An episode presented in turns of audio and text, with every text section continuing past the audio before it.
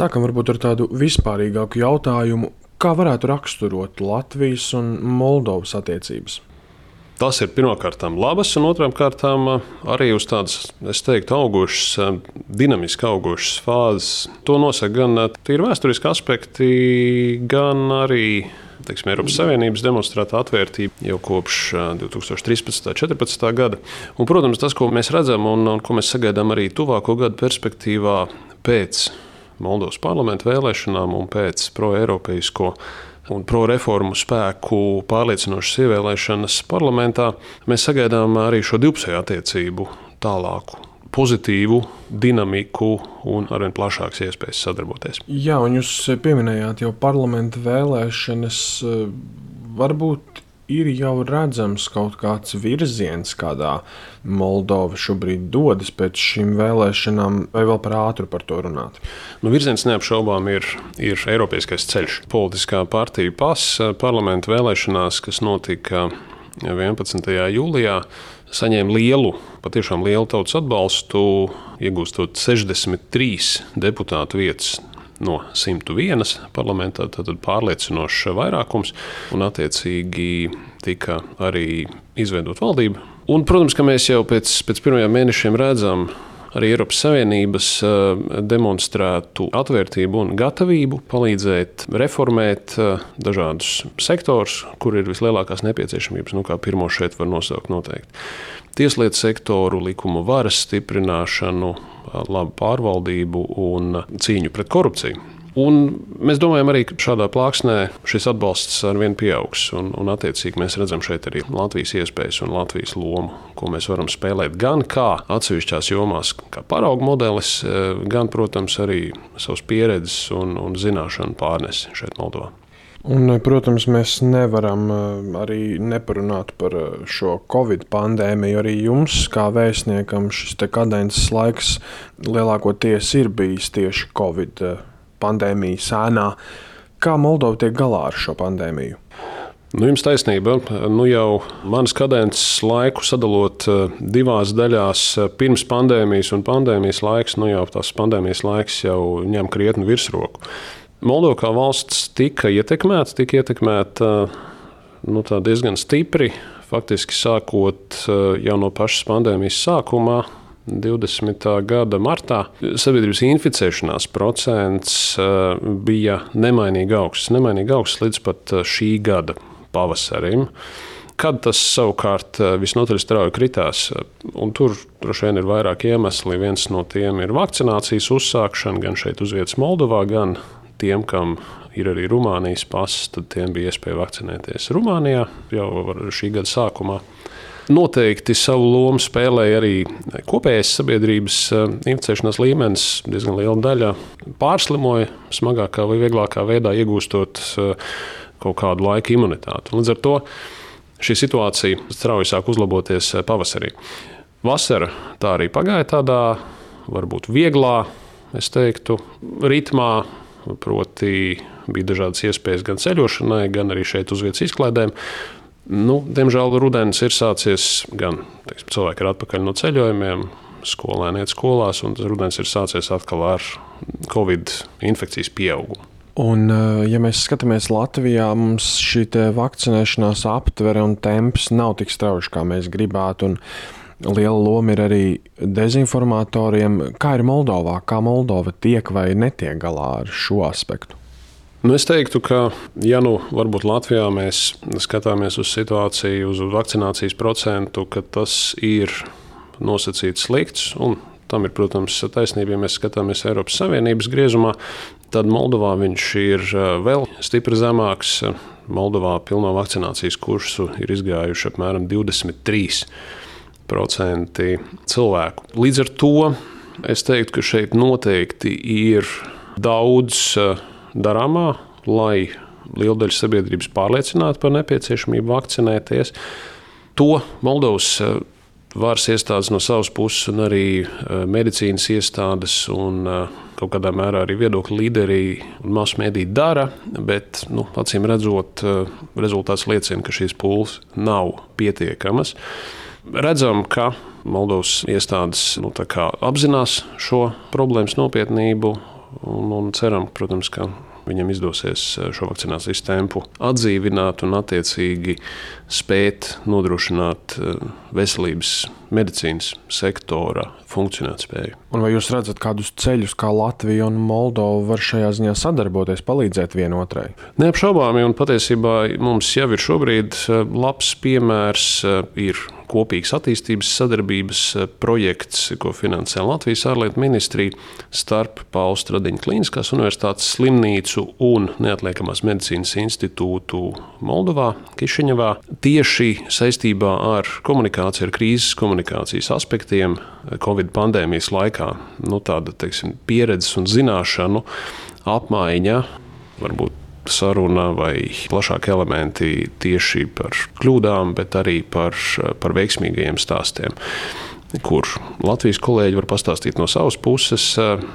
Moldovas kolēģiem par krīzes vadību, un, protams, paskatīties arī plašāk par veselības, par medicīnas sektoru, savstarpējo miedarbību, un tā skaitā skatoties arī tālākā nākotnē. Un kā ir ar eh, palīdzības sniegšanu latviešiem šeit, eh, Moldovā, Covid pandēmijas laikā, vai bieži nākas palīdzēt? Un kā vispār ir ar tām eh, vakcinēšanās iespējām arī Latvijas pilsoņiem, kas dzīvo šeit, Moldovā? Nu, droši vien jāsāk būt ar to, ka latviešu diaspora ir pavisam neliela.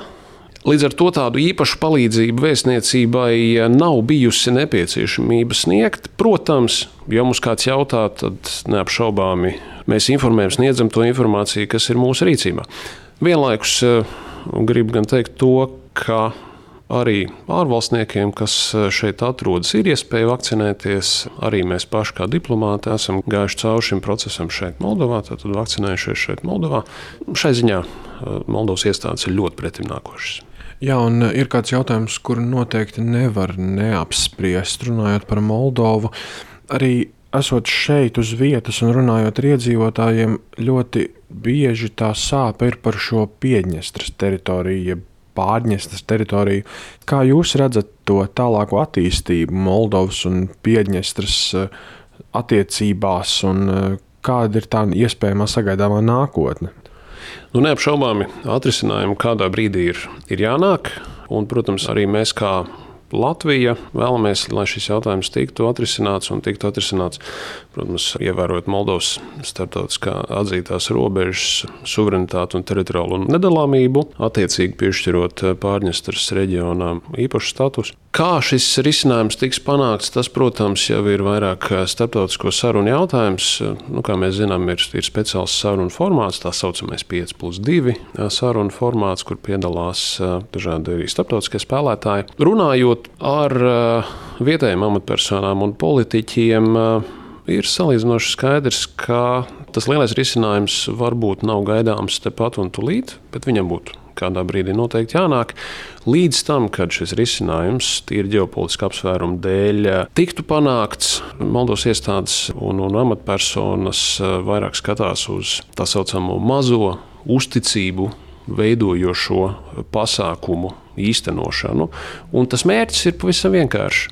Mērķis ir, eh, kas saka, vest kopā abu Dņestras krastu, tad, gan šī pārņestas reģiona, gan uh, otra krasta cilvēkus, tad, tad piedāvāt viņiem dažādas iespējas sadarboties un gal galā arī veidot kopējo vidi tādu, lai tad, kad lūk, pienāktu iespēja šī konflikta atrisinājumam, lai tā vide būtu sagatavota, lai tas nebūtu pārsteigums un lai šī integrācija, reintegrācija notiktu ātri un, un veiksmīgi.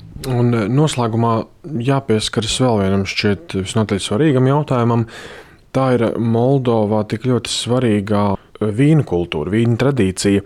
Runājot ar cilvēkiem šeit, eh, dzirdu to sāpi par to, ka Eiropa, tostarp arī Latvija, nenovērtē šobrīd šo Moldovas vīnu un to kvalitāti. Protams, tas pamatā būtu Moldovas vēstnieku darbs eh, šajās Eiropas Savienības valstīs, bet kā jūs redzat, vai ir kaut kāds uh, potenciāls iespējas, kā arī vēstniecība var iesaistīties un vairot šo sadarbību un palīdzēt arī šai tik uh, ekonomiski potenciālajai sfērai attīstīties Moldovā?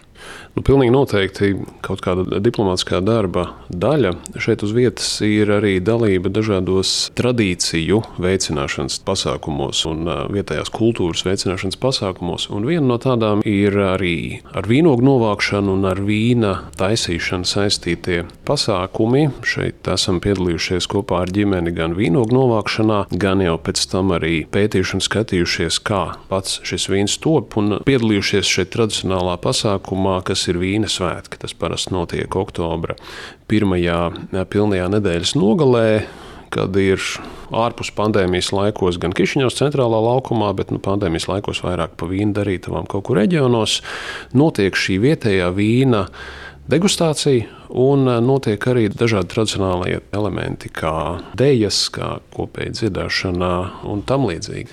Tas, ko vēlos teikt, ka vīns Moldovā šeit eh, patiešām ir labā kvalitātē, un to atzīst dažādi eksperti, dažādi tiešām vīna zinātāji.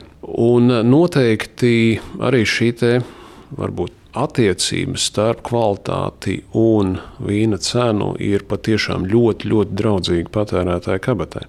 Es teiktu, no tādas personīgās pieredzes un no savu divu ar pus gadu darba šeit, Moldovā, ka Moldovas vīns tam ir lielāks potenciāls nekā tas šobrīd tiek realizēts gan Eiropas tirgu, gan arī ārpus Eiropas. Bet tad šo visu ir kaut kā iespējams veicināt, vai tas tomēr ir uzņēmēju pašu iniciatīvas jautājums?